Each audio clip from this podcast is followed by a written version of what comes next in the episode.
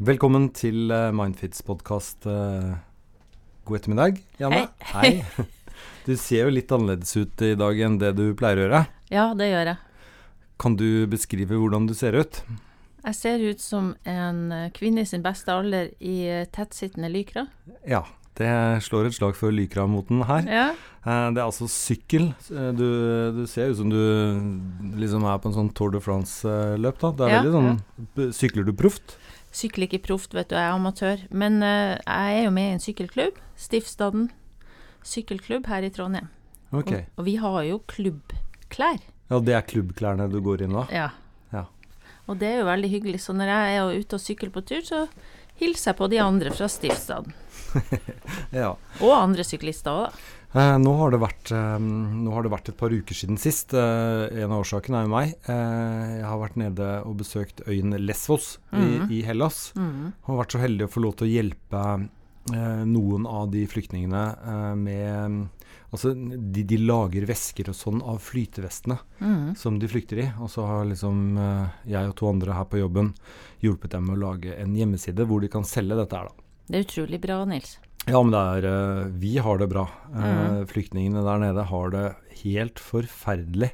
Så det er Og det skrives jo ikke noe om det lenger heller. Nei. Uh, og det er jo Årsaken til at jeg kom ned der, var jo da min ekskone, var Ja. Teldal, som har gjort kjempejobb med, med barnehage uh, for de spesielt utsatte. Uh, så, så det er fint. Kan du ikke si hva den heter, den der innsamlingsaksjonen hennes? Gjengen i ryggen? Ja. Ja. Så Nei. de tar inn bidrag hele tida, gjør de ikke det? Jo, det, det gjør de. Så De prøver å drifte ned barnehagen hele tida. Ja.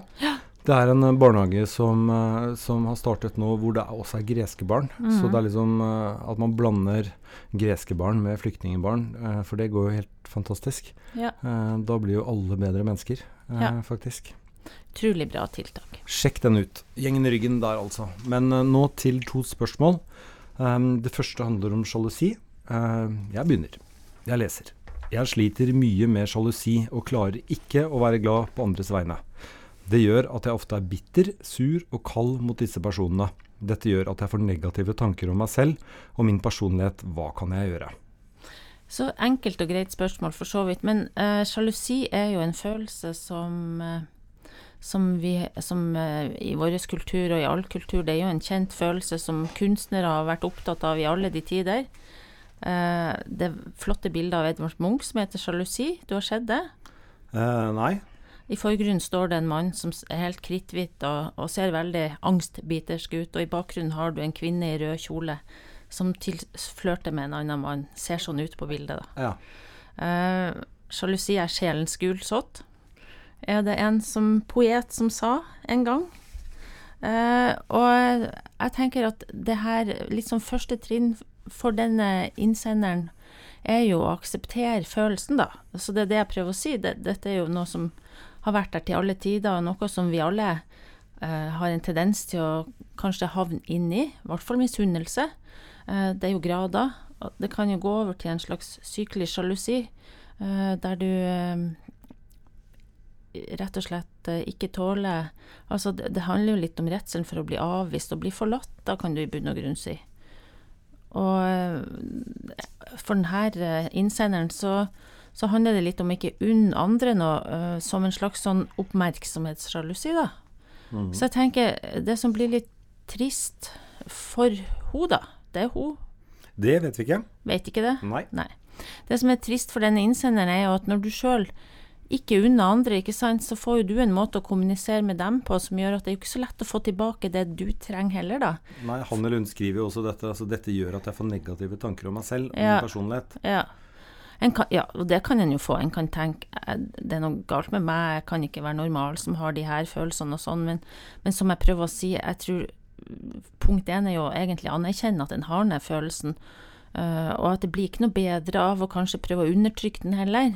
Men, men jeg bare tenkte på Altså, vi har det alle sammen, eh, hvis vi innrømmer det. Jeg, Ja. jeg- jeg kan eh, gå rundt og merke at man ikke unner andre suksess. Mm. Men jeg skjønner jo at det ikke er bra. eh, Mm. Og at i hvert fall hvis du jobber sammen, så eh, er man jo faktisk avhengig av at kollegaene gjør det bra. Mm. Fordi da kan du også gjøre det bra. Ja. Så han eller hun kan vel forsøke, eh, altså legge godsida til og prøve å finne noe bra ved f.eks. kolleger, og si det. Fordi det vil jo da igjen føre til at kollegene vil jo da se etter positive ting hos innsenderen. Ja, det er det jeg òg tenker, at uh, det handler litt om at det du kanskje trenger sjøl, som er positiv oppmerksomhet, uh, er jo ikke så lett å få hvis du sjøl er en som ikke gir det til andre. Nei. Sånn at det er klart at det er et godt råd. Men det er litt sånn lettere sagt enn gjort, da, fordi kanskje skammer du deg veldig over at du har den følelsen. Og da kan det være at, uh, at du prøver å dytte den vekk. Uh, og når du dytter den vekk, så er det også sånn at du kanskje ikke til slutt erkjenner helt at det er det du kjenner på. Uh, så kan det kom, gi seg uttrykk på en annen måte. Kommer ut som sinne eller negative bemerkninger. Altså kommer ut på en måte som ikke, det, som ikke gjør at det blir forstått heller, hvis du skjønner. Mm. så jeg tenker En kan si det sånn at, at det er en primærfølelse som som blir litt sånn uh, maskert av, av, en sekundærfølelse, som egentlig ikke er den følelsen som det opprinnelig handler om, f.eks. sinne. Mm. Uh, og da blir det misforstått òg, og, og, de her andre som, som, du er misunnelig på, de skjønner kanskje ikke helt hva greia er. På et vis så er det kanskje lettere hvis en starter med en anerkjennelse av denne følelsen òg, og kanskje også kan, kan si noe om det at uh, innrømme det, i hvert fall overfor seg sjøl, men kanskje også overfor andre, at, ja. at jeg blir litt misunnelig nå. Uh, men jeg jobber med saken, altså. For jeg unner deg det egentlig. Ja. For jeg tror det kan få, få, et uttrykk som blir veldig uforståelig for andre, da. Ja. Men øh, håper å si, uh, den lille utdannelsen jeg har, er jo innafor journalistikken. Og, og, det er jo bredt, dette her, da. Fordi at negative nyheter selger bedre enn positive nyheter. Mm. Vi liker bedre å lese om andre som har feilet, ja. enn å lese om folk som gjør suksess. Så vi har det alle, alle mann og alle kvinner. Det er jeg enig i. Men skal vi si at det var uh, svar godt? Jeg vet ikke om vi har gitt uh, nok råd, da, men det er jo ikke så lett. Uh, kanskje. Uh, men jeg, jeg, jeg tenker det, gjelder, denne følelsen som alle andre følelser, det gjelder litt å, å starte med å, å, akseptere den og, og, mm. og tolerere den. Og så må en finne en måte å, å, regulere det på som gjør at det ikke kommer ut uh, veldig eksplosivt, og kanskje ut som sinne eller bitende bemerkninger. eller Så jeg tenker det å undertrykke den har også sin pris, ikke sant? Mm. Uh, du kan kjenne det i musklene dine, du kjenner at du går inn i deg sjøl og tenker at du er en fæl person som tenker de tankene her. Jeg må ikke tenke sånn, jeg må ikke ha det sånn. Sånn at uh, det, å, det, å, liksom jobbe litt med å akseptere og tolerere, det tror jeg er viktig. Så kanskje, hvis det er mulig, prøv å si noe om det. Altså, det må man jo tenke litt på om en tør. I et parforhold er jo det viktig, vil jeg tenke. Det er kanskje ja. noe annet når det gjelder kollegaer og sånn, men, men, men, i prinsippet litt samme, samme rådet der. Uh, hvis du er i et parforhold med noen og kjenner på mye sjalusi og sånn, så er det jo ganske sånn velkjent, egentlig, at mange ikke innrømmer det. Altså, de, de kontrollerer og, og er mistenksomme, men de, de, innrømmer ikke overfor den andre at det er sjalu de er, kanskje. Vi, vi eh, kommer jo litt inn på det i neste spørsmål. Ja, vi gjør egentlig det, så vi kan gå dit nå. Men uh, jeg har all respekt for at, uh, at, du har nå gitt et sånn faglig uh, råd. Men i hvert fall fra, fra lekmannens ja. side så tror jeg egentlig jeg ville sagt det såpass enkelt. fordi at innsenderen her um, har identifisert følelsen. Mm. Det betyr at vedkommende begynner å bli klar over den. Jeg ble rett og slett skrevet en lapp, jeg har hengt den på baderomsspeilet. Si noe positivt om noen hver dag men det må være reelt. Altså Du, du må ha en ordentlig positiv ting. Altså ja. Du må faktisk mene det. Ja. Gjør det én gang om dagen, for det er faktisk mulig. Det kan du si. Kan jeg bare si at den andre sida handler Hvis du skal få til å si noe positivt om noen andre hver dag, så må du begynne litt også med å si noe positivt om deg sjøl, hvis du skjønner. Du, det er veldig vanskelig det her hvis du grunnleggende har bare negative tanker og følelser rundt deg sjøl. Ja. Sånn at um, men, du, men, her tenker jeg liksom det at uh, altså Innsenderen skriver jo altså Jeg oppfatter det som at sjalusien kom først. Og fordi man er sjalu og ikke glad på andres vegne, så får uh, vedkommende negative tanker om seg selv. Det kan du si, men hva som kommer først eller sist, er litt vanskelig å vite. Jeg tror uh, på et vis kommer kanskje sjalusien først, men bunn, hva bunner den i? Den kan også bunne i at du sjøl har fått lite oppmerksomhet, og at du sjøl ja. uh, i utgangspunktet uh, har mye altså dårlig selvfølelse og tenker at det er ikke mye som er bra med deg. Eh, så det kan være en del erfaringer som gjør at du er en person som ikke klarer helt å glede deg på vegne av andre. Så syns jeg det er en god øvelse å prøve å tenke at en skal legge merke til det som andre gjør som er bra, og så prøv å øve med å respondere på en annen måte, for jeg tenker det er ikke så dumt råd det, Nils. Nei, det var Nei. et uh, lekmannsråd i hvert fall. Og så tenker jeg, men, men, da må en også samtidig jobbe litt med uh, å akseptere seg sjøl.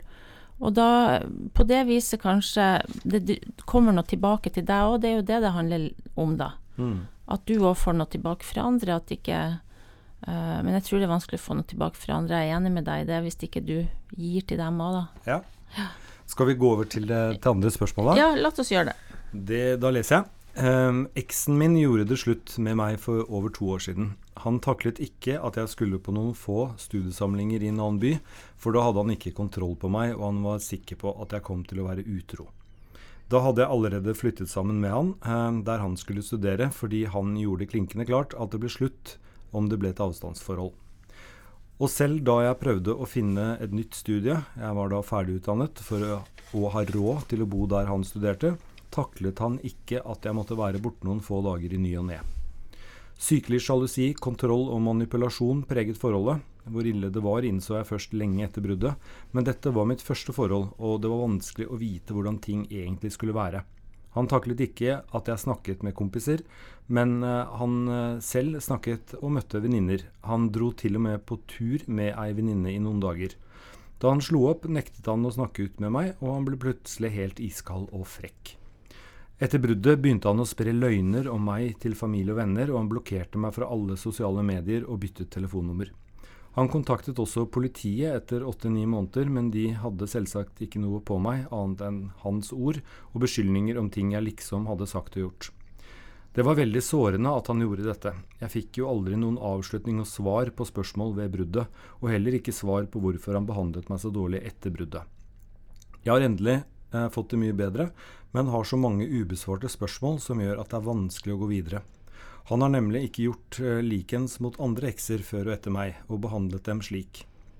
Hvorfor har han behandlet meg så dårlig, og ikke blokkert ut dem og laget like mye styr?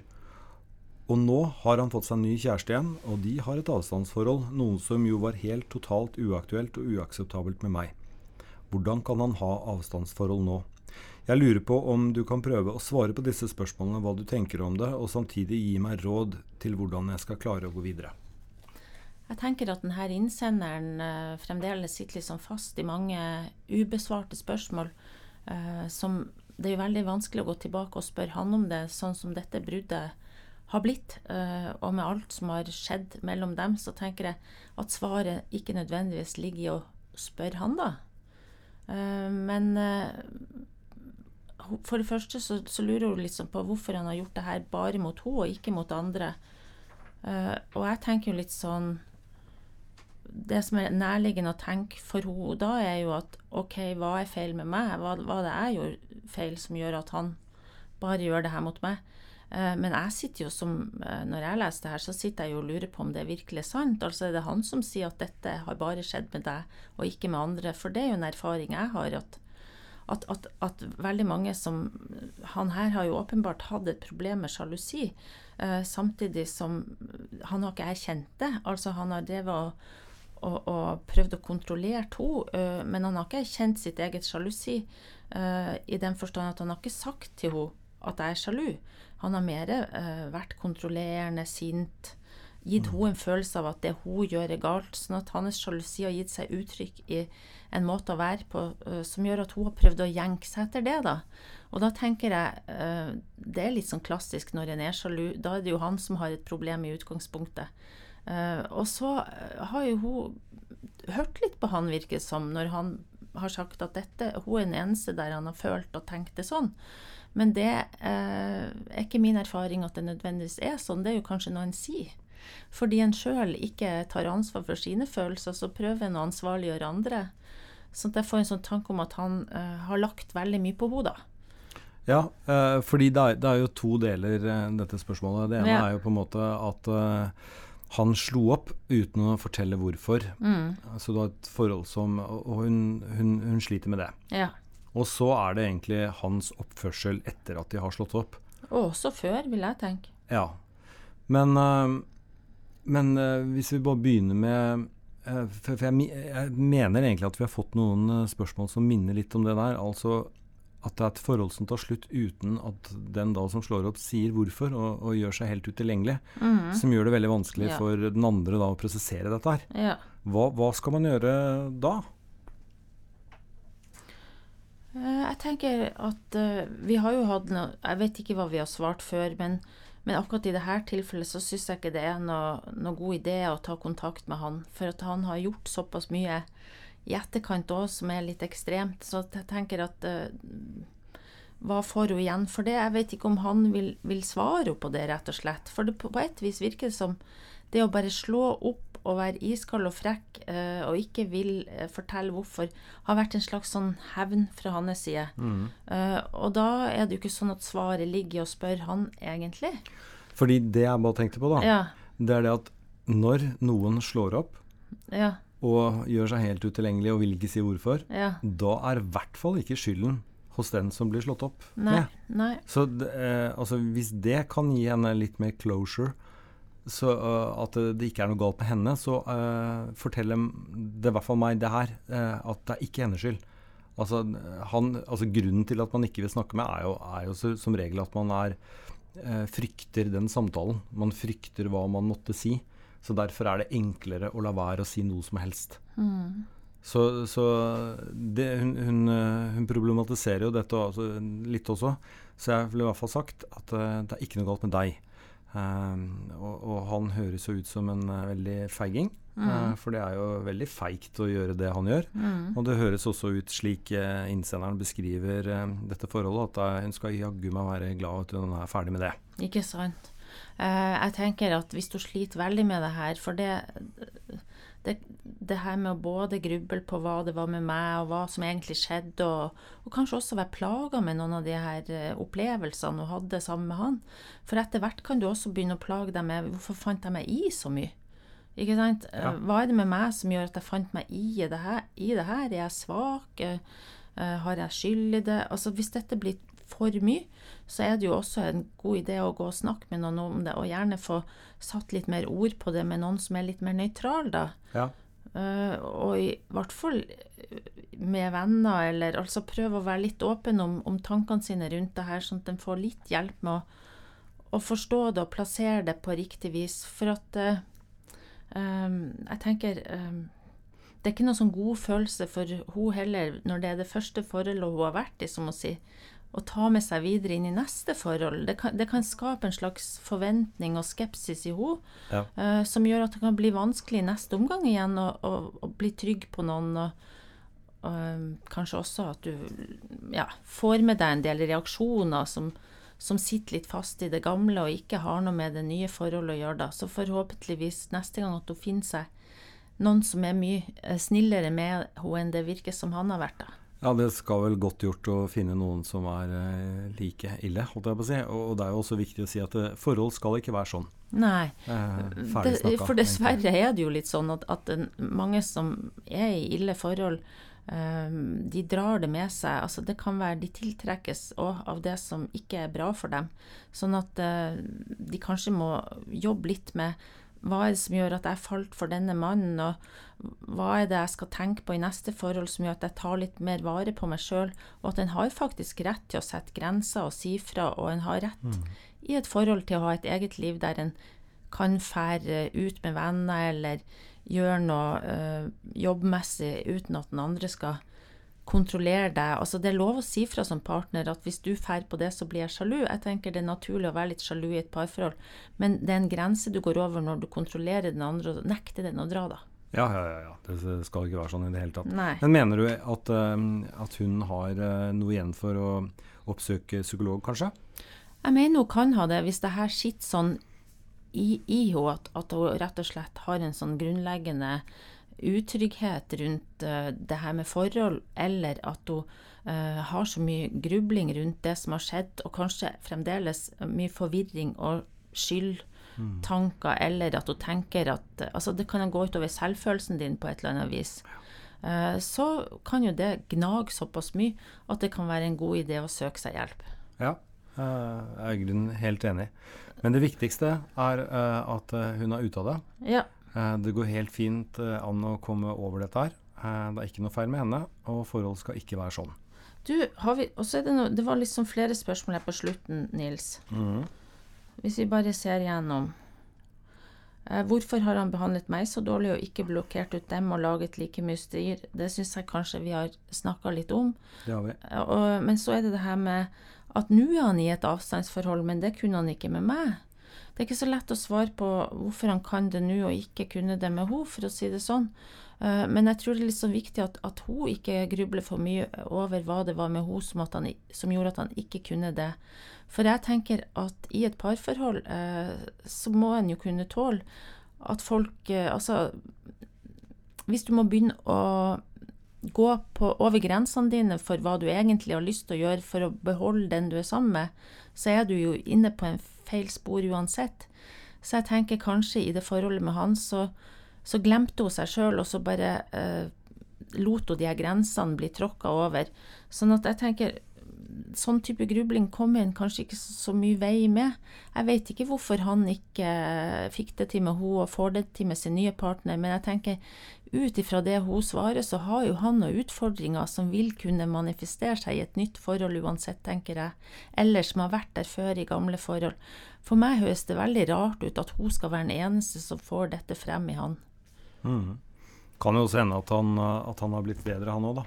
Det, for det tenkte jeg opp, og det kan jo være at han har jobba med seg sjøl. Og det er jo Ja. ikke sånn at folk som, som har utfordringer med sjalusi, øh, eller utfordringer med å måtte kontrollere øh, andre, ikke kan bli bedre. Så det er jo en god tanke.